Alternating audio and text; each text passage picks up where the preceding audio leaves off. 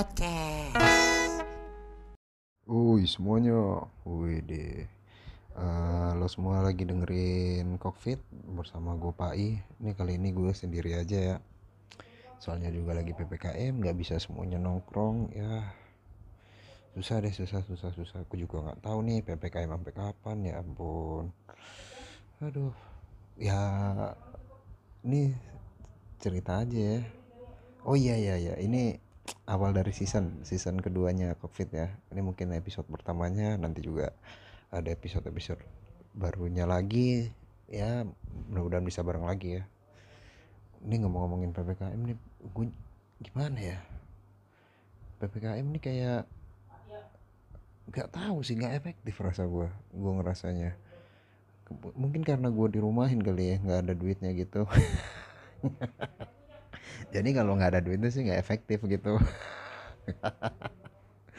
Uh, terus juga banyak berita-berita juga. Ya ada seleb-seleb narkoba ya. Ada Nia Ramadhani sama Ardi Bakri terus juga ada Coki Pardede. Aduh.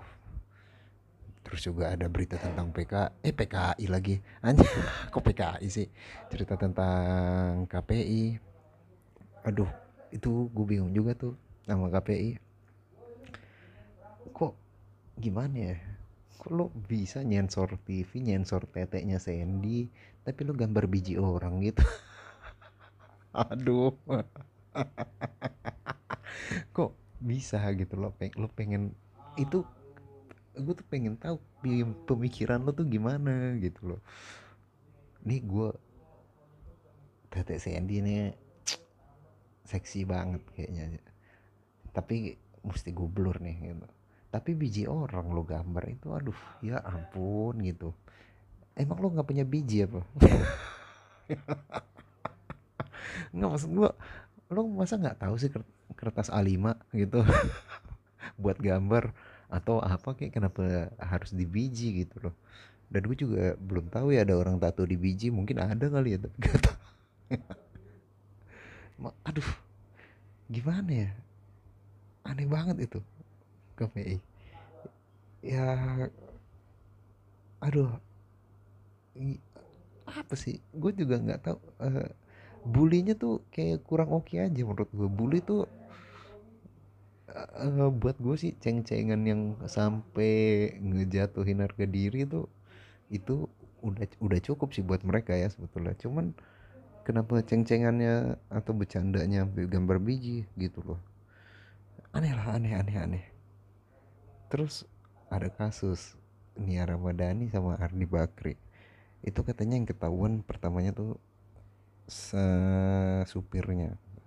Terus supirnya kan maksud gue ya supir ya pasti pasti ngadu lah dia nggak mungkin dia ini punya anak punya keluarga gitu. Ya pasti dia ngadu lah bro pasti ngomong ini ini ini bukan punya saya ini punya Nia Ramadhani dan ini punya siapa uh, suaminya gitu. Pasti ngadu lah nggak mungkin dia nggak ngadu. Sekarang lo aduh ya maksud gue supirnya kan nggak sekaya Nia Ramadhani dan Bakri juga ya. Terus kok dia ditangkap penghasilan keluarga dari mana ya? Wajar lah dia ngadu mau gimana lagi ya kan? Terus alasannya Nia Ramadhani sama Nia Ramadhani apa? Ardi Bakrinya ya? Yang kemarin gue lihat di berita. Kata sih alasannya stres kata. Stres karena ppkm ah mungkin gue nggak tahu mungkin bisnisnya nggak jalan atau gimana. Ya maksud gue kalau lo bisnis lo nggak jalan sih nggak mungkin lo jadi miskin tiba-tiba kan gitu. Maksudnya gue aja yang ppkm nih di rumah kan gak gajian gak narkoba gua. Ya iyalah buat makan aja sulit kenapa harus narkoba gitu. Itu juga kan yang aneh. Nah terus dia ngomong stres.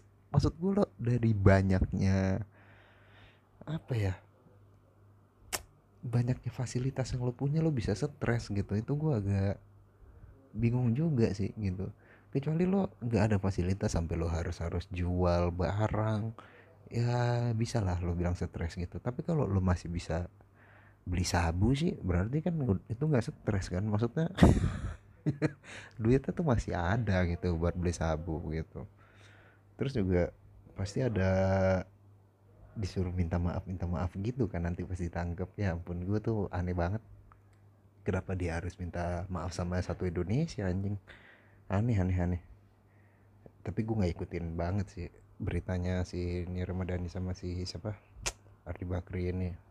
Ya kenapa gue ikutin gitu kan? Ya dia katanya stres ya mau gimana? Nyabu aja lah katanya mungkin biar nggak stres kan. Kak, aduh, gimana sih Mbak Nia nih? Kalau lo udah ngerasa stres bisnis lo nggak jalan jangan beli sabu lah bisnis yang lain. Kalau beli sabu kan lo jadi gimana? Yang mus musnya tadi duit lo ada buat income ya. Atau income lo sebetulnya masih ada walaupun sedikit itu kan jadi ngabis ngabisin gimana sih mbak? Terus Coki Pardede ini Coki juga nggak tahu lah. Maksud gua itu ditangkap katanya sambil nonton video video porno cowok kata kan kata polisinya kau nonton nonton cowok bu apa nonton nonton bokep cowok pula katanya kan. Aduh nggak maksud gue gue tuh juga pengen tahu deh emang boleh lagi penangkapan gitu di video ini ya? Gue sih nggak tahu ya. Etis nggak tuh ya? Boleh nggak sih? Uh, kayaknya nggak tahu ya gue tapi menurut gue sih kenapa harus di video ini tuh loh seharusnya sih jangan di videoin gitu. Kalau ya ditangkep lo kabarin aja. Coba Pak Dede ditangkep itu nggak usah sampai di videoin cara penangkapannya gimana gitu ke kamar. Gue ngeliatnya jadi kayak apa ya kayak film aja gitu. Aneh. Aneh sih aneh aneh. Yang lebih aneh lagi. Yang lebih aneh lagi sih sebenarnya sih kenapa gimana ya gue nggak pernah kaget sekaget kagetnya gini ada selebriti yang narkoba tuh gue nggak ya biasa aja lah dia narkoba banyak duit atau gimana. Tapi ini Coki Pardede tuh bener-bener gue kaget banget gitu loh. Ih anjing ternyata narkoba gitu dia gitu. Ya kalau ditanya kecewa atau enggaknya yang kenapa kecewa gitu. Jujur aja gue uh, lumayan lah ngefans lah sama dia sama muslim gitu atau Adriano Colby maksudnya ya seneng lah sama mereka gitu. Cuman maksud gue ya nggak ada ya nggak nggak ada kekecewaan juga gitu kalau lo tanya.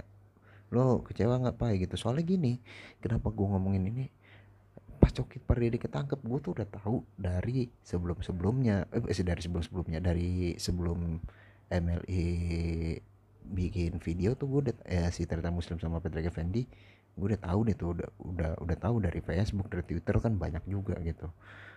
Terus tiba-tiba DM gue penuh dong. Gimana nih Pai? Coki Pardede. Gimana nih Kak Pai Coki Pardede? Gimana nih Bang Pai Coki Pardede? Lah kok lo nanya gue gitu? Emang gue BNN nya gimana sih? Gue aja nggak tahu. Sabu kena tangan kena, kena kulit itu panas kan. Lagi Coki pakai ngomong sabu kena kulit panas sih. Iya kan? Apa kek gitu? Pura-pura nggak tahu aja. Kan jadi diawasin tuh cok. Cok ya kan tapi ya nggak apa-apa sih bagus ditangkap aja sih. Uh, kalau nggak gue kira main sabu itu kan zat adiktif juga. Ya maksudnya rokok juga adiktif sih. Cuman gue nggak pernah ngeliat orang rokok terus jadi pengen bunuh orang gitu. Gimana ya? Kayak eh, gimana sih? Gue nggak nggak pernah tahu tuh kalau rokok tuh bisa ada sifat adrenalinnya gitu tapi bikin adrenalin kita naik gitu kayak ah ingin sekali aku membunuh gitu. Yang gue belum belum pernah sih tahu ya. Tapi kalau sabu kayaknya sabu soalnya gini sih banyak temen temen-temen gue juga nggak nggak banyak sih ada beberapa sih yang cerita sama gue yang dia udah tobat gitu. Doi ngomong katanya itu jalanan kalau malam jadi terang men katanya buset dah gue terus katanya pengen bebenah terus anjing kenapa? Maksud gue eh emang sih dampaknya positif sih pengen bebenah kan cuman adiksinya ini yang gue nggak tahan ya kan. Mungkin apa ya gimana ya bilangnya? Nggak ngerti sih gue sih karena gue nggak tahu itu nggak nggak nyampe gue bandel gue ke sabu gitu loh. Ya itu gue dengar cerita temen gue itu dia dia ngomong gue nggak tahan. Dia tuh ngomong gue nggak tahan kecanduannya pak itu tapi efeknya katanya jadi pinter anjir efeknya jadi pinter. Ngeri juga itu sabu. Tapi udah uh, masalah sabu tuh ya udah urusan masing-masing lah. Lo rugi rugi diri lo juga kan gitu kalau lo sabu gitu. Tapi yang anehnya tuh di kasusnya Coki ya uh, kenapa lebih gede ininya tuh. Lebih gede berita dia gay dibanding bahayanya sabu-sabu. Maksud gua kenapa lo nggak kasih tahu bahayanya sabu-sabu gitu? Hey media kenapa lo ngomongnya malah ke gaynya gitu loh wah anjing. Kenapa keberbahayaan sabu tuh nggak lebih penting gitu loh daripada si coki gay aneh gue gitu. Ya mau coki gay kayak mau coki apa ya sebenarnya ya itu terserah dia aja gitu. Cuman kan yang mesti dikasih edukasi ke masyarakatnya kan menurut gue sih sabunya sih janganlah janganlah lo pakai sabu kayak gitu. Jangan lo pakai narkotika gitu karena gini sih gue nggak gue nggak tahu ini narkotika yang sama atau enggak cuman ibu gue dulu pernah di rumah sakit dia disuntik painkiller gitu loh kayak apa ya namanya gue lupa. Morfin kalau nggak salah. Iya morfin morfin. Nah itu ibu gue tuh kayak ngefly gitu. Jadi di, ngomongnya ngelantur terus uh, apa jadi sak hilang sakitnya gitu loh. Jadi dia bisa berdiri. Nah apa ya? Ya intinya sih ya lo bayangin aja itu ibu gue yang sakit bisa sebegitunya bisa bisa berubah drastis ya. Berarti kan itu sebenarnya zat berbahaya kan gitu. Uh, mungkin healing tapi healing beberapa saat aja itu. Nah kalau yang intinya sih gue yang kalau dari Coki Pardedin yang mau gue sampein agak aneh ketika bahaya sabu itu nggak lebih bahaya daripada G-nya gitu. Aneh gue aneh aneh aneh gitu kenapa permasalahannya jadi si coki homo gitu? Harusnya permasalahannya tuh ya lu jangan memakai narkotika lah gitu. Tapi ya nggak war on drugs everybody ya nggak nggak lagu juga sih nggak dibikin lagu juga. Indonesia seneng banget sih yang mau merangin sega, mau memerangi hal-hal negatif tuh dengan nyanyi kenapa sih gitu? Sedangkan aneh banget menurut gua. Sedangkan kita pemusik tuh nggak pernah mau menyuarakan sesuatu loh sebetulnya. Ya gue kan juga sekolah di musik ya gue tuh ya main musik ya gue pengen jago main musik bukan mau menyuarakan sesuatu juga gitu. Terus kalau lo main musik juga ya oke lo mau menyuarakan sesuatu tapi musiknya harus lebih bagus lah. Karena kan eh, konten yang lo buat itu musik gitu. Kalau emang lo mau menyampaikan sesuatu apa namanya pesannya lebih besar daripada musiknya mending lo berpuisi aja. Itu lebih jelas kayak gitu atau lo menulis di blog atau lo bikin podcast kayak gini ini gokil. Podcast kayak covid ya ya lah ya aneh sih aneh aneh gitu. Terus juga apa apalagi nih yang lagi keren nih belakangan? Nggak nggak mungkin gue ngomongin investasi kan investasi gimana? Gajian aja nggak ada gimana mau ngomongin investasi? Aneh bener. Uh, ini sih yang gue lagi bingung nih ppkm juga sih. Ppkm nih nggak tahu ini kenapa ada level-levelnya. Terus juga kayak masuknya pekerja mall harus vaksin. Jadi gimana kalau ada orang yang udah kena covid kan nggak boleh vaksin dulu tuh untuk beberapa bulan tiga bulan kalau nggak salah ya. Terus kalau dia dia terkena vak eh terkena vaksin lagi terkena virus covid 19 ini uh, sebelum maraknya vaksin gimana dong? Uh, seandainya tiga bulan lagi nih misal dia baru kena nih tapi dia belum vaksin sebenarnya dia mau vaksin tapi karena kena nggak boleh vaksin kan? Nah terus misal mall udah dibuka dia bekerja di mall. Terus gimana caranya dia masuk? Coba. Sedangkan peduli harus download peduli lindungi itu kan.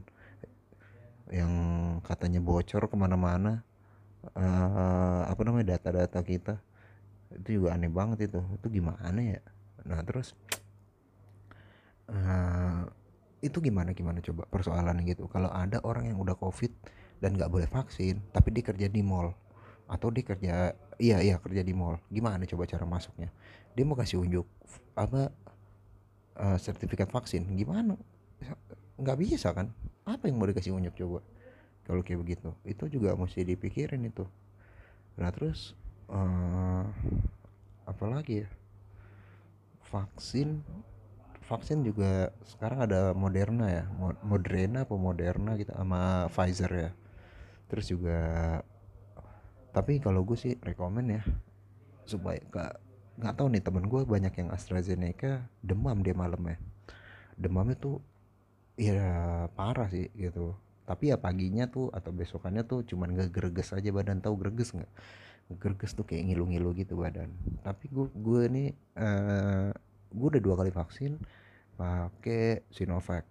Nah Sinovac ini nggak ada sih gue nggak ngerasain hal apa pun ya selain kelaparan udah gitu selain kelaparan dan ngantuk ya lo tipis-tipis lalu sama kayak minum mix max gitu.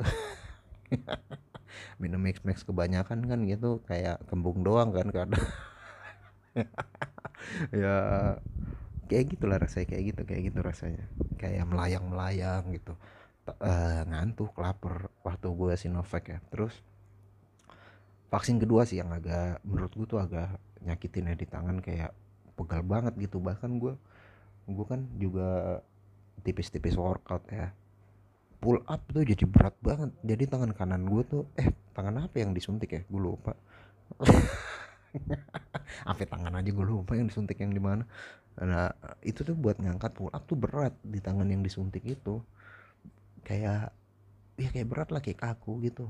Dan yang kedua nih efeknya juga kelaparan kelaparan ngantuk ya gitulah. Ya nggak ada ininya. Oh ini. Jaring vaksin. Anjir. Nah itu tuh. Menurut gue tuh uh, jaring vaksin tuh udah kayak udah kalah telak jaring tuh. Maksud gue bukan gimana ya? Uh, jaring tuh kasihan gue sebenarnya. Kayak uh, bukan kasihan karena dia divaksin kasihan karena banyak argumen dia ternyata ujung-ujungnya kalah kan sama Bill Gates. Ya. Gimana ya? Tapi ya akhirnya jaring pun kan maksud gue tuh yang gila konspirasi aja kayak jaring aja dia tuh bisa ini loh bisa satu suara untuk vaksin loh gitu nggak salah dong berarti kan vaksin. Maksud gue gini gue udah capek juga sama ppkm lo semua juga udah pada capek yakin gue ppkm tuh kayak apa ya? Aduh ppkm tuh kayak orang orang nggak sakit tapi disuruh minum obat gitu. Udah minum obat dulu nanti juga sakit gitu. Maksud gua nggak nggak ada ininya. Nggak nggak tahu nggak ada efektivitas ya mungkin di berita sih ada efektivitas ya katanya tapi gue nggak nggak tahu ya. Gue nggak ngerasain itu di pasar Johar sih. Lo cobain datang ke pasar Johar. Pasar Johar tuh di bom Hiroshima Nagasaki juga ya luka-luka kecil doang di sini wah. Nggak nggak nggak nyampe kabar corona kayaknya ke sini. Oh ya balik lagi ke jaring. Jaring itu uh, dia itu gimana ya? Gue bilang kalau jaring itu bisa satu suara sama Indonesia nih bisa dia vaksin. Harusnya sih udah selesai sih kita semua ini. Maksudnya udah udah sembuh lah gitu satu Indonesia ini.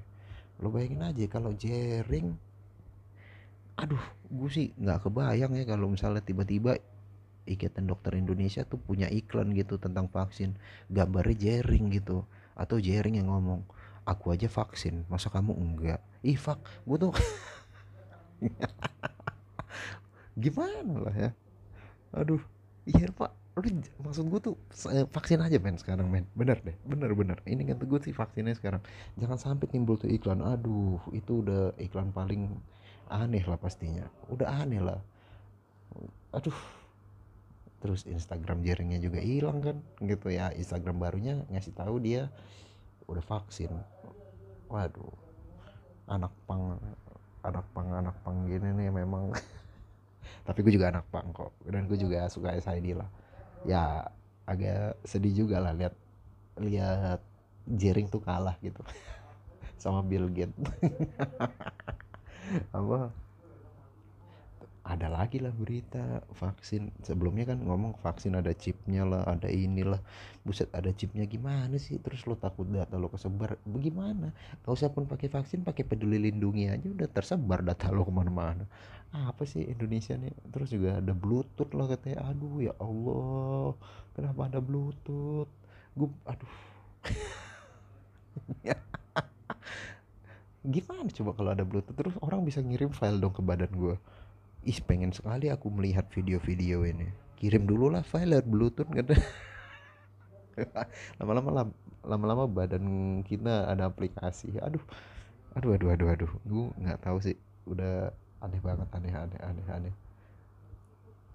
Terus apa lagi sih yang lagi ramai ini aduh gue nggak ngerti dah. Sekarang nih mau mau mau kayak gimana? Mau apokalips kayaknya sih mau apokaliptik udah pandemik udah apokaliptik bentar lagi gitu loh. Nggak ngerti lah gue nggak ngerti. Udah gitu juga nggak tahu gue nih ada pem bentar lagi nih ada pemilihan gubernur atau presiden kan sih? Gue nggak tahu nih takutnya sih covid dibawa-bawa ke situ sih. Ya maksud gue tuh benahin lah benahin nih. Sekarang kalau ini nggak selesai-selesai lu udah kebayang dong berapa banyak orang yang meninggal gitu. Makin lama makin banyak yang meninggal makin banyak yang meninggal. Terus siapa yang mau milih lu gitu? Iyalah ya saya ingin menjadi presiden. Ya tapi siapa yang milih udah meninggal? Semua warganya gimana dong? Ya makanya itu dong. Ayo ayo ayo ayo. Kalau mau dipilih kan? Ayo dong. Ayo dong. Uh, dibenahin nih. Ini harus gimana nih kita? Gitu ya gak ngerti lah. Kalau ppkm sangat efektif harusnya nggak berkali-kali sih gitu. Harusnya nggak dari psbb berubah nama jadi ppkm sih gitu. Berarti kan nggak efektif efektif banget kan? Aduh. Udah lucu-lucu banget deh bener. Kalau gue asli gue nggak pernah lihat berita-berita lagi loh. Kayak kayak apa ya? Kayak aduh ya gue udah udah di rumah aja gue udah nggak digaji terus gue ngeliat berita-berita kematian kematian ya gim gimana nggak stres gue akhirnya ya kerjaan gue nih nonton YouTube aja loh. Bener. Ini kok dihitung-hitung udah mau tamat YouTube ini gue tonton. Aduh. Aduh nggak ngerti deh gue udah udah nggak ngerti gue bener. Sekarang iya eh, gue juga mau ngucapin dong sama Andre Andre juga salah satu personel covid udah punya anak. Ya namanya Kalula bisa lo lihat di Instagramnya ya kan? Terus juga Iboy atau uh, Iboy itu salah satu personel covid juga. Ya dia udah menikah. Ya cepat sekali ya semuanya pergi terus juga Henry Henry sebentar lagi anaknya lahir. Ya personal covid juga lah. Personal covid nih berkembang berkembang ini. Pada keren-keren. Ini gue doang ini yang stagnasi gini. Yang nggak berkembang gini-gini aja nggak ngerti lagu juga. Bele bele bentar lagi mau nikah sama ceweknya. Wah keren-keren banget lah. Ini gue jangan pun mikirin nikah. Ya ampun. Pacar aja gak punya. Gimana mau nikah lah ini uh, kerjaan cuman gini-gini aja. Ya ampun kerjaan nggak ada. Gue cari-cari kerja susah ya ampun. Sedih banget deh ah. Gaya-gaya baca-baca investasi apa yang mau diinvest? Uang aja nggak ada. Aku ingin investasi investasi apa? Jantung. Aduh tunggu bakar rokok dulu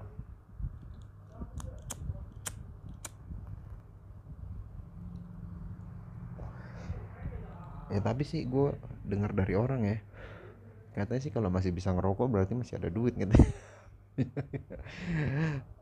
Uh, akhirnya gue nggak tahu nih kegiatan gue akhirnya gue ngajar gitar lagi kayak gitulah. Ya gue tuh juga kesian ya sama musisi-musisi yang berdampak.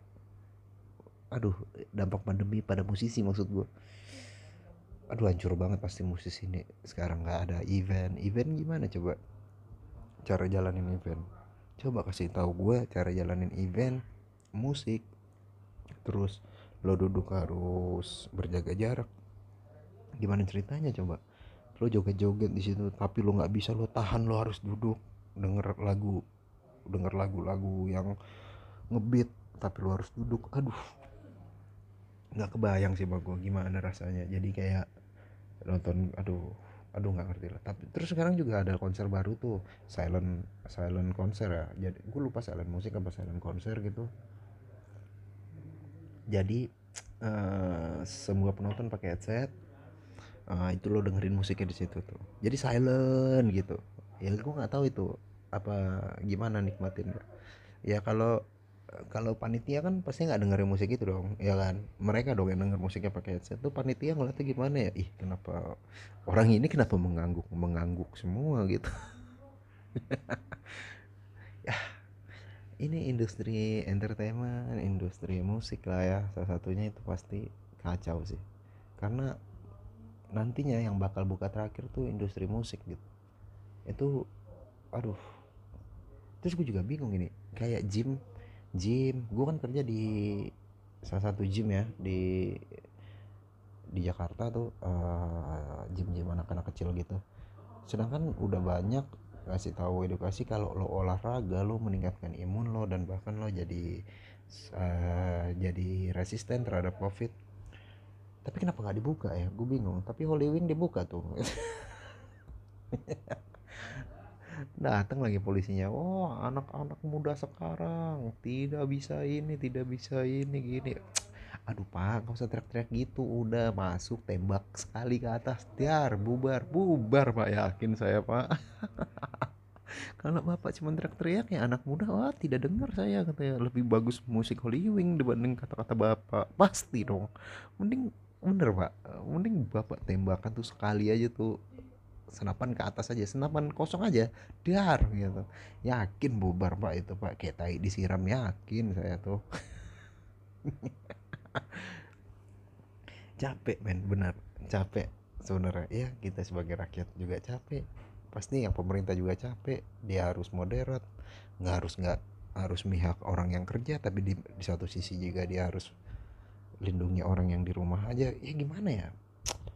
Nggak ngerti lah gue paling gak banyak orang juga yang mau ngomong gitu loh. Kayak banyak mungkin yang mau ngomong tentang ppkm ini. Bahkan banyak banget gitu tapi udah keburu males gitu orang kayak ya ppkm lagi ppkm lagi. Aduh sedih lah sedih. Ini yang menyedihkan tuh musik sebenarnya asli deh. Ini saat semuanya buka musik itu pasti ditaruh di terakhir nanti nanti dulu dibuka begitu udah aman semua baru musik dibuka. Percaya sama gue pasti begitu. Ya apalagi ya? Apa segitu aja dulu kali ya? Nah gini aja deh. Biar kalau misalnya mau lebih panjang lo DM ke Cockfit at Cockfit uh, di Instagram atau DM gue Pak Insane 30 Pak Insen 30 DM aja cerita lu nanti gue bacain di sini. Ini boleh juga nih gue kemarin denger gue kan seneng podcast awal minggu ya Adriano Colby. Jadi gue lihat tuh kayaknya orang yang eh, DM DM tuh banyak cerita tuh seru juga tuh kayak diceritain lewat podcast gitu. Asik tuh kayaknya. Ya tapi uh, yang lagi keren kan puisi-puisi ya podcast di Spotify. Ya nggak mungkin gue berpuisi. Kenapa gue harus berpuisi? Itu dong podcast saya sedih-sedih puisi ya berarti kan banyak orang stres di Indonesia. Banyak orang yang kena mental gitu. Ya harusnya jangan kok masih sempet anda mau bikin puisi itu loh. Orang lagi stres lo ngirim-ngirim email puisi ke tuh rintik sendu lo nggak salah ya sama podcastnya. Lo ngirim itu ke rintik sendu ya gimana nggak makin pusing gitu loh. Harusnya lo ya kalau lo stres ya istirahat bro. Kenapa capek jadi bikin puisi maksud lo ya capek istirahat dong bro. Gitu. Ya kali gitu aja dari gue ya. Pokoknya jangan lupa kalau lo punya cerita DM ke cockpit at cockpit di Instagram atau DM gue di Instagram uh, at Painsen atau lo bisa DM DM personal covid yang lain. Uh, gitu aja deh ya. See you guys